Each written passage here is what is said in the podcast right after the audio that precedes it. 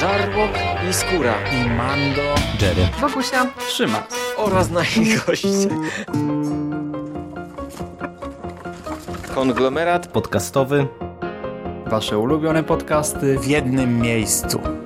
Witam wszystkich w kolejnej części filmów wakacyjnych. Dzisiaj witam w głównym wydaniu filmów wakacyjnych edycja 2020, co oznacza, że wróciłem z gór, z Beskidu Śląskiego, gdzie udało mi się obejrzeć ponad 10 tego typu produkcji. I dzisiaj w odcinku mam nadzieję niepechowym, gdyż jest to odcinek 13. W tym sezonie ukazał się również wyjątkowy podcast wakacyjny pod tytułem Fantasy Island, zbierający recenzje serialu z lat 70. i 80., także nawiązujący do serialu z lat 90. i o remake'u z 2020 roku, który był w polskich kinach. Dlatego dzisiaj kończymy klimaty hawajsko-wyspiarskie i wybieramy się w góry na przejażdżkę z Kevinem Baconem.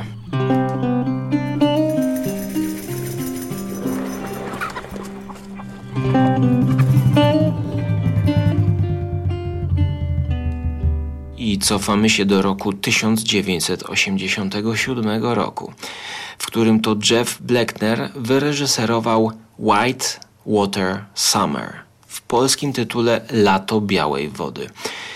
Ułożyłem mniej więcej ten zestaw dzisiejszy nie w taki sposób, jak go oglądałem, ale żeby jakoś to tematycznie powiązać. Dzisiejszy pierwszy film to esencja filmów wakacyjnych. Można powiedzieć, że jest to dzieło, które zbiera wszystkie aspekty czegoś, co ja sobie wymyśliłem w mojej głowie, że istnieje tak zwany film wakacyjny. Jeżeli moglibyśmy mieć jakiś wzorzec, to Lato Białej Wody niewątpliwie będzie miało prawie wszystkie wyznaczniki czegoś, co nazywam filmem wakacyjnym. Dlaczego? Prawie. No dlatego, że jest to dzieło dla młodszego widza. Oglądając to, miałem wrażenie, że producent wpadł na pomysł, żeby zbić kasę na rodzicach, którzy mają dzieci, którzy w jakiś sposób chcą się pozbyć tych dzieci, żeby wakacje mieć wolne, a dzieciaki niech jadą na letni obóz przygodowy. Na spływ kajakiem one się tam nauczą rozpalać ognisko, a my z żonką sobie tutaj posiedzimy w domeczku. A w nocy w sypialni. For 14 years, I've done all kinds of camps. Soccer, sailing, computer, tennis, even chess. Kevin Bacon jest głównym organizatorem wycieczki. Właściwie on jest takim przewodniczącym, który jest młodzieniaszkiem, no to jest 87 rok, młody, szczupły Kevin Bacon, który no w sumie nigdy się nie zestarzał. Takie żarty dzisiaj krążą nadal po internecie. On gra takiego trapera trochę, który z wielkim plecakiem na plecach w początkowych scenach filmu wchodzi po Nowym Jorku, gdzieś po wielkim mieście w buciorach e, z obwieszony linkami. On nie należy do tego świata. Jego żywioł to góry, rzeki, lasy, sarwa, serwa, survival, ser, ser. Kevin Bacon i survival to, to chyba dobre połączenie w sumie. A do tego jeszcze grupka młodych dzieciaków, która właśnie wyrusza na pierwsze swoje wakacje.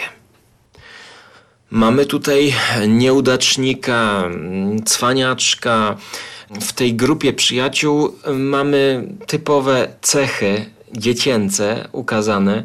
E, dzieci pokazane dzieci, które się uczą czegoś, dzieci, które są poddane różnego rodzaju testom na wytrzymałość, na męstwo i w pewnym momencie ich przewodnik Kevin Bacon wręcz myślimy sobie, że przesadza, gdyż mamy taką scenę, w której oni muszą przejść przez niezwykle wąski i niebezpieczny most. kiedy ten, ten główny bohater zapomina hmm, chyba jakiegoś elementu wyposażenia po drugiej stronie tej przepaści, to Kevin mówi wróć się, wróć się, przejdziesz, przejdziesz, ale to dzie ten dzieciak mówi, ale jak to jest możliwe? Przecież muszę mieć dwie ręce, żeby się trzymać. No i w ten sposób Kevin Bacon nadwyręża ich zaufanie. No i w pewnym momencie dochodzi do wypadku. I teraz naprawdę dzieciaki mogą się wykazać ratując Kevina Bacona. Oczywiście wszystko jest utrzymane w granicach filmu familijnego, wszystko jest skończone happy endem, każdy się czegoś uczy. Jest to raczej film dla chłopaków, gdyż mamy tutaj, no, jedyna scena taka kontrowersyjna jest to scena, no, do dzisiaj jej nie, nie rozumiem. Jest to scena, jak oni sikają. Stoją chłopaki obok siebie w lesie i sikają i robią zawody, kto siknie dalej. No, więc nawet w tej scenie ten główny bohater, który cierpi no, na trochę nieśmiałość i takie niedopasowanie jeszcze do, do świata męskiego, e, to okazuje się, że on sika najdalej. Oczywiście mamy tutaj spływ kajakami, mamy tutaj rozpalanie ogniska, pieczenie kiełbasek, wszystko to, co chcielibyście robić jadąc gdzieś w góry, na kemping, do lasu. way I figured, we won't go back to the old campsite downstream. No, we'll go north. We'll follow the Great Bear. You were wrong what you did to Alan, Vic. He's right, man. You must be crazy leaving him up there. No, yeah, Vic, I don't know why you're doing this. yeah, we'll go north. Film ode mnie dostał ocenę 5 na 10, więc jest to coś dla fanów. No i dla młodej, młodszej widowni myślę, że można puścić. Film był kręcony w Kalifornii, Nowej Zelandii, Nowej Zelandii, Nowej Zelandii, w Nowym Jorku, Kalifornia, Nowa Zelandia. Tutaj mamy piękne góry, kojarzące się trochę z Alaską. Zauważyłem, a właściwie sobie przypomniałem, że jest tożsamy film i również z Kevinem Baconem i z Meryl Streep z 94 roku pod tytułem River Wild, Dzika Rzeka, którego taglinem było Vacation is over. No, kiedyś dawno oglądałem ten film. To jest o spływie pontonem chyba. Dokładnie nie pamiętam, ale to jest troszkę taki nóż w wodzie w wersji ekstremalnej, gdzie Meryl Streep i Kevin Bacon są jakoś ze sobą powiązani i jest jeszcze trzeci mężczyzna grany przez Davida Straightherna, jeśli dobrze wymawiam. I oni y, jakby walczą o tę kobietę, o Meryl Streep i również o przetrwanie. Ja ten film na 100% widziałem. Występuje tutaj również jeszcze John C. Reilly i jest to film z pięknymi widokami, który ja właśnie dodałem do watchlisty, aby ponownie to obejrzeć, gdyż oglądałem to na tyle daleko, że nie mam oceny wystawionej. I rzeczywiście Kevin Bacon tutaj nawiązuje, można by to powiedzieć, do, w jakiś sposób do tego pierwszego filmu, który nam pięknie pokazuje wszystkie wyznaczniki filmu wakacyjnego. Prawie wszystkie, bo pamiętajcie, że do filmów wakacyjnych właśnie zaliczam rzeczy typu Fantasy Island, gdzie mamy morze i dużo morza, czyli tak zwane filmy morskie, marynistyczne i tak dalej. Ale jeżeli jesteśmy przy Kevinie Baconie, to przejdźmy teraz na suchy ląd i zaproponuję Wam coś dla widza starszego, czyli e, thriller z Kevinem Baconem i nowa produkcja z roku 2020. Come away with me. If I gonna go nuts. Love you so much. It's just the three of us. Just you and me and Ella. It's so beautiful! Wow. I love this. Wait. What? Listen. You Should Have Left to horror, dramat, e, mystery, thriller, e, opowieść o trójkącie.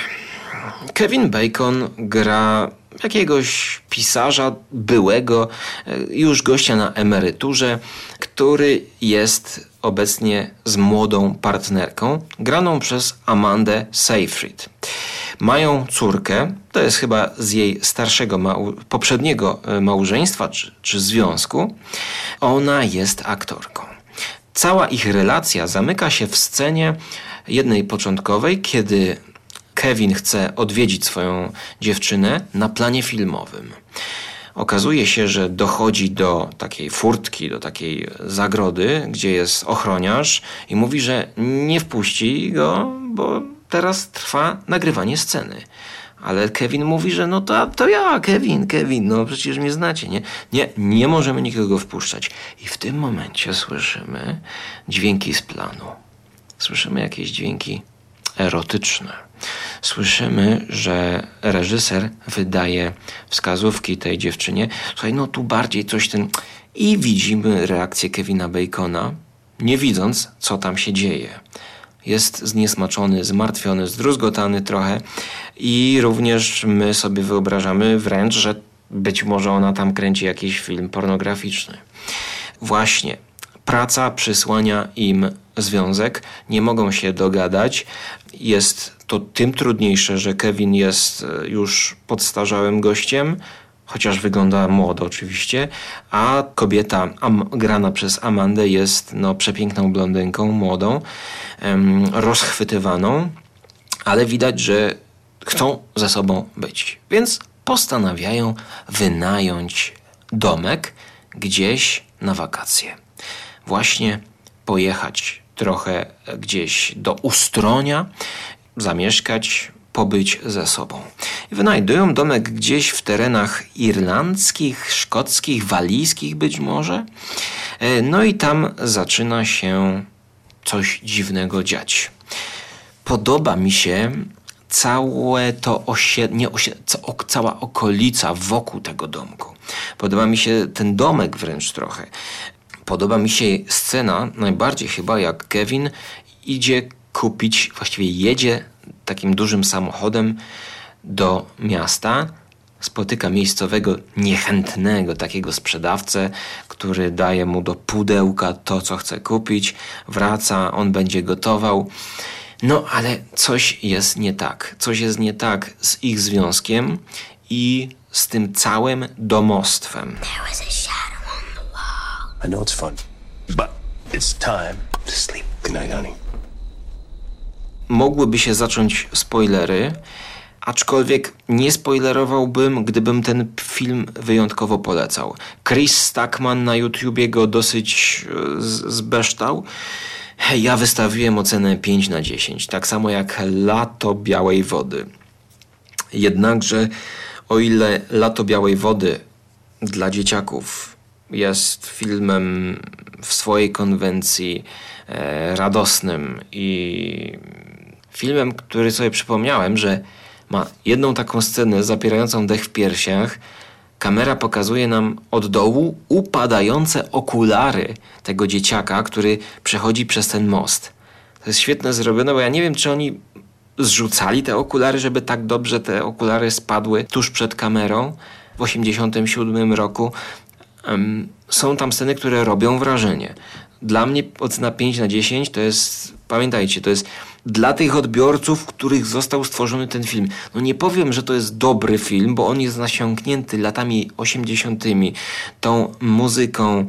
Tu właśnie zapomniałem powiedzieć, że w Lecie Białej Wody są sceny takiej muzyki popowo-dyskotekowej, gdzie wszyscy się zbierają, jedziemy, lecie, nie? No, jest to naznaczone klimatem swoich czasów. I ta ocena jest krzywdząca 5 na 10, jeżeli by stawiać obok You Should Have Left. Gdyż You Should Have Left w połowie filmu zaczyna zawalać na całej linii, powiedziałbym. E, z jednej strony dom okazuje się być, no, najmniej spoilerując, nie wiadomo, czy to nawiedzony, czy to skonstruowany przez jakiegoś architekta, czy to może Kevin Bacon zaczyna szaleć. Właśnie, ma jakieś omamy.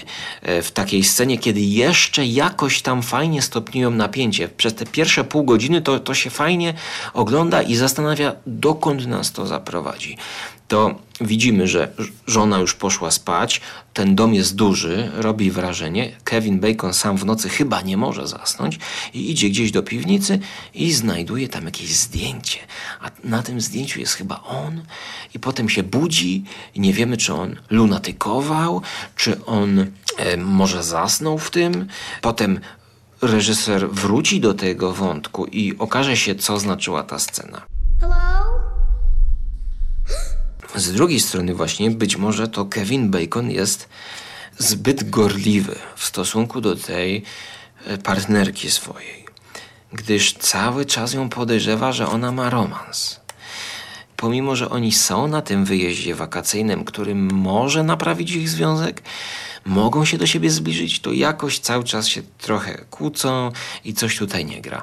No, nie gra dlatego, że okazuje się, że kobieta coś być może na boku robi. Idzie to troszkę w stronę dramatu takiego, ogląda się to nieprzyjemnie, jeżeli mm, ktoś ma tego typu, jest wyczulony na tego typu emocje, że jakiś związek powiedzmy się ro- rozpada, ale koniec końców wszystko, no o, aha, jeszcze dziewczynka, dziewczynka się gubi w tym domu i to jest największa tragedia, że ona się gubi w tym domu, a ten dom jest, no nie wiadomo jaki. I oni wszyscy próbują się odnaleźć. Kevin próbuje się odnaleźć, próbuje odnaleźć ten związek i córkę. I właściwie ja zapomniałem już, jak to się kończy, ale na pewno do tego filmu nie wrócę, gdyż e, z tego worka są lepsze produkcje, które jeszcze w tej serii przedstawię. No natomiast tutaj są elementy, które zapadły mi w pamięć, jednakże filmu zbytnio nie polecam. The house shows me. He must be guilty of something. People have always stayed in that house. Some don't leave. The right ones usually find the place. Or maybe it's the other way round. The place finds them. No tak, i zanim przejdę do kolejnej części i kolejnego filmu naszej audycji, to muszę się poskarżyć, ponieważ to było zaplanowane inaczej. Nagrywam to we wrześniu, w połowie września, kiedy siedzę już w domu przy, przy stole, a nagrałem dwa podcasty w lesie. Idąc lasem od, od działki przez las do takiego miejsca zwanego kempingiem, gdzie można się rozłożyć, wypić piwo, zrobić kiełbaski, popatrzeć na teren, poczytać książkę, nagrać podcast i wrócić podczas tej wycieczki. Właściwie ja zrobiłem ten spacer po to, żeby nagrać ten podcast klimatyczny. Nagrałem go łącznie 45 minut audycji gdzie było słychać szuranie butów, gdzie było słychać ptaszki i wszystko. Byłem zdyszany. Wróciłem do domu. Chciałem to zgrać. I ja to zgrałem. Zgrałem to na komputer. Ale z racji tego, że ja przez ten czas, kiedy byłem e, w tych górach i w okolicach, 60% czasu tam kręciłem filmy na Żarłok TV, już no, nie miałem miejsca i każdego dnia musiałem przyjść i zgrać na dysk. I zarówno z dyktafonu i posegregować to, od razu to segregować. No i tak to posegregowałem, że pokasowałem te, te, te, te nagrania. Więc jeszcze raz będę...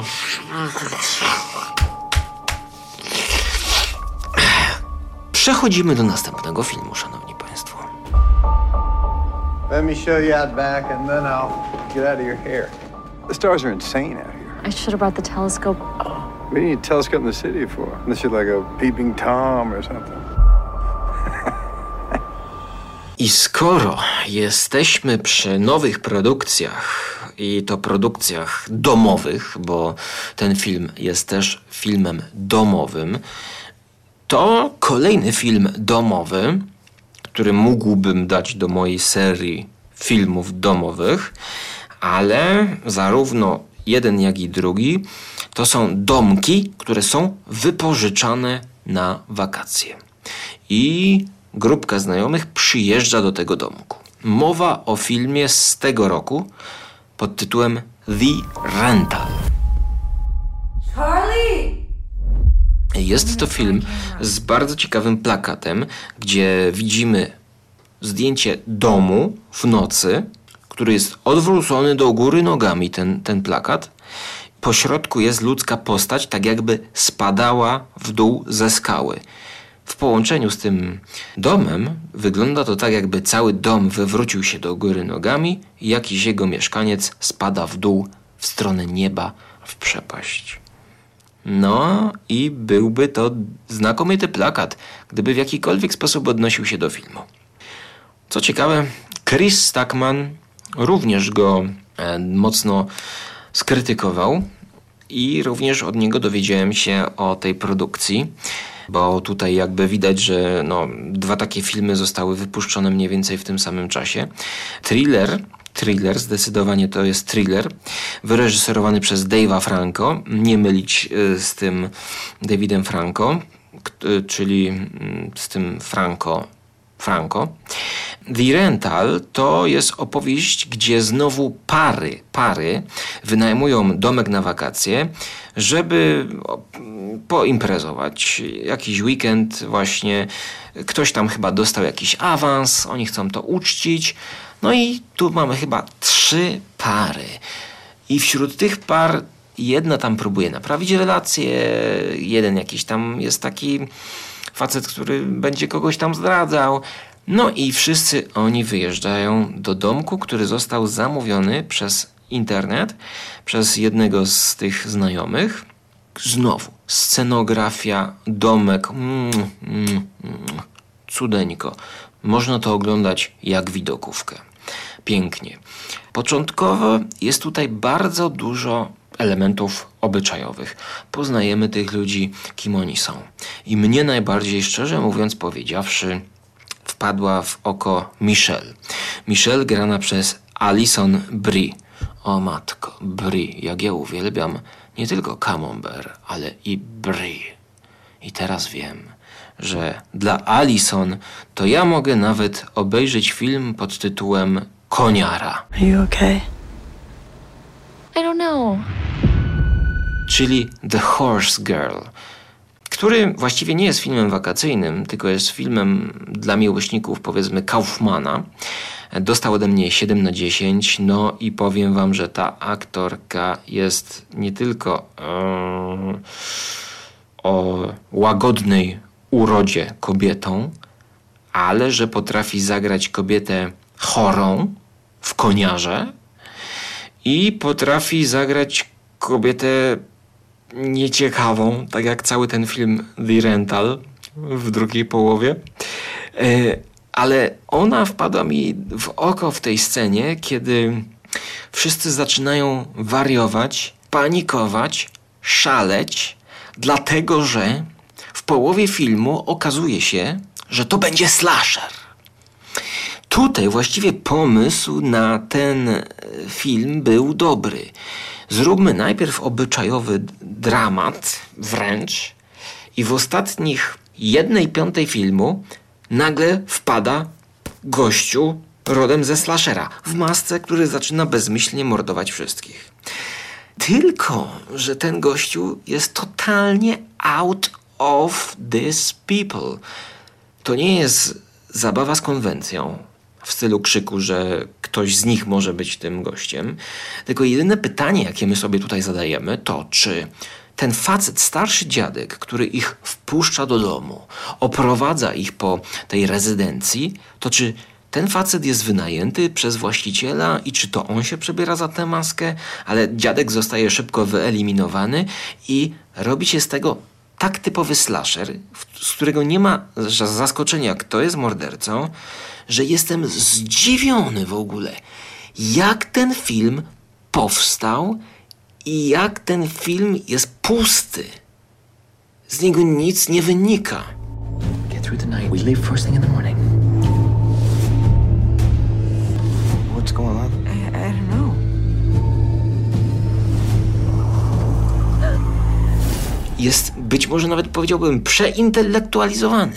Na papierze może to działało, ale podczas oglądania ja byłem całkowicie chłodny. Chyba, że Alison Brie tańczyła pod wpływem narkotyków. No, nie pochwalam, nie polecam, ale to, co się udało zrobić, to efekt komiczny, kiedy Michelle tańczy i właściwie ją nie obchodzi, że tutaj lata jakiś morderca, ona sobie puszcza muzyczkę i tańczy. I właściwie ja jestem miłośnikiem tańca w filmie. Nie lubię musicali, ale sceny tańca w filmie lubię. Ona nie tańczyła w jakiś zwyk, niezwykły sposób. Ona po prostu tańczyła i miała wywalone na tego mordercę, tak jak ja. Ona jest właśnie takim obrazem skóry, który jest nieczuły na względy tego mordercy, który dodatkowo ten morderca ma kamery w tym domu. To też jest wątek, który był eksploatowany. E, tutaj zupełnie gra to bez sensu, bo ten morderca, nie wiemy, czy on najpierw ich podgląda i po co ich on podgląda. Nie wiem dlaczego, już nie pamiętam, ten film dostał ode mnie 6 na 10. Ale było to dziwne przeżycie filmowe, bo tego można by właściwie zrobić trzy filmy. Obyczajowy film, może nawet wręcz komedię o, o grupce znajomych, o podglądaczu film i slasher. To się nie składa do kupy. Ale obejrzałem. I dałem 6 na 10, więc, więc e, jeżeli bym miał polecać, to zdecydowanie jednak wybierzcie Rental niż e, film z Kevinem Baconem. Mhm. Już nie wiem dlaczego, bo oglądałem to przed wyjazdem w, w góry. No może, może jeszcze raz obejrzeć? Dla Alison? E, Koniarę polecam tym bardziej. Być może nagram o tym osobny podcast, choć już dawno oglądałem, ale Koniara to jest, to jest, to jest zupełnie film z wyższej półki. E, szanowni Państwo, na zegarze, kiedy to nagrywam, jest 4.14 w nocy. E, więc będę kończył ten odcinek, bo chciałem jeszcze dzisiaj obejrzeć dokument Petera Jacksona o II wojnie światowej. Nie wiem, czy to ma sens, tak samo jak przedłużanie tego odcinka. W zależności, czy wybieracie się w góry, to propozycja jedna już jest, czy będziecie siedzieć w domu. A jeżeli byście siedzieli w domu, to możecie sobie wyobrażać, że jak wyjrzycie za okno, to tam są lasy, góry, jeziora, rzeki. To możecie włączyć kolejny odcinek podcastu Skóry albo konglomeratu podcastowego. Możecie też wejść na Żarłok TV i zobaczyć, co tam się zajada.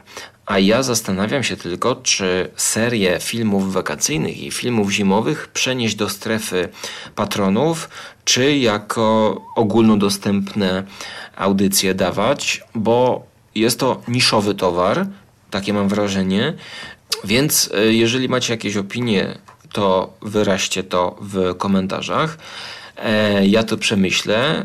Być może koncepcja jest taka, żeby dodatkowe audycje, które bym nagrywał dla patronów, to byłyby audycje takie e, bardziej ogólnotematyczne, czyli moja nowa seria planowana rozważania geeka, geekowskie rozważania, problemy geeka, w tym kierunku będziemy szli. Będzie to coś, co każdy będzie mógł się odnaleźć, a może na ogólnodostępne dawać jednak te wakacyjne filmy. Nie wiem, szczerze mówiąc, jak to zorganizować. Wyraźcie swoją opinię, ja to jeszcze przemyślę, a tymczasem no, polecam Wam zacząć rozrywkowo ten koniec wakacji, podsumować go latem Białej Wody, bo jest to coś, co przypomni Wam czasy VHS-ów i filmów typu Wielkie Kaczory, tam tego typu e, filmy dla dzieciaków. E, każdy powspomina mm, dobre czasy. A ja ten film oglądałem pierwszy raz. Nie przypominam sobie, żebym za dzieciaka to oglądał. Jeez, oh my god! Holy shit!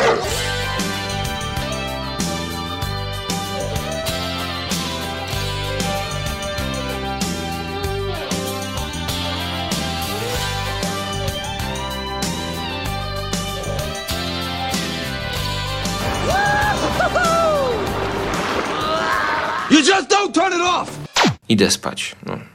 Herbatka przed snem może nie będzie, ale miętka lub melisa. Za zdrowie koniary. Dogrywka po napisach końcowych w trakcie montażu. Uwaga, jeżeli lubicie tego typu klimaty filmowe, to nakręciłem specjalnego vloga leśnego, który będzie rekompensował stratę tych utraconych podcastów. Recenzja filmu wakacyjnego ze stajni Uniwersalu The Curve. Myślę, że tego typu atrakcje od czasu do czasu, e, tylko na razie koncepcja jest work in progress, dlatego możecie zobaczyć, jak to w przyszłości mogłoby wyglądać. No i w ogóle, czy taka forma wideo w kontekście recenzji Wam się podoba. Ten vlog nie jest dostępny w żadnej formie podcastowej, na żadnych Spotify'ach ani iTunesach, tylko już jest w formie wideo na YouTubie na konglomeracie podcastowym.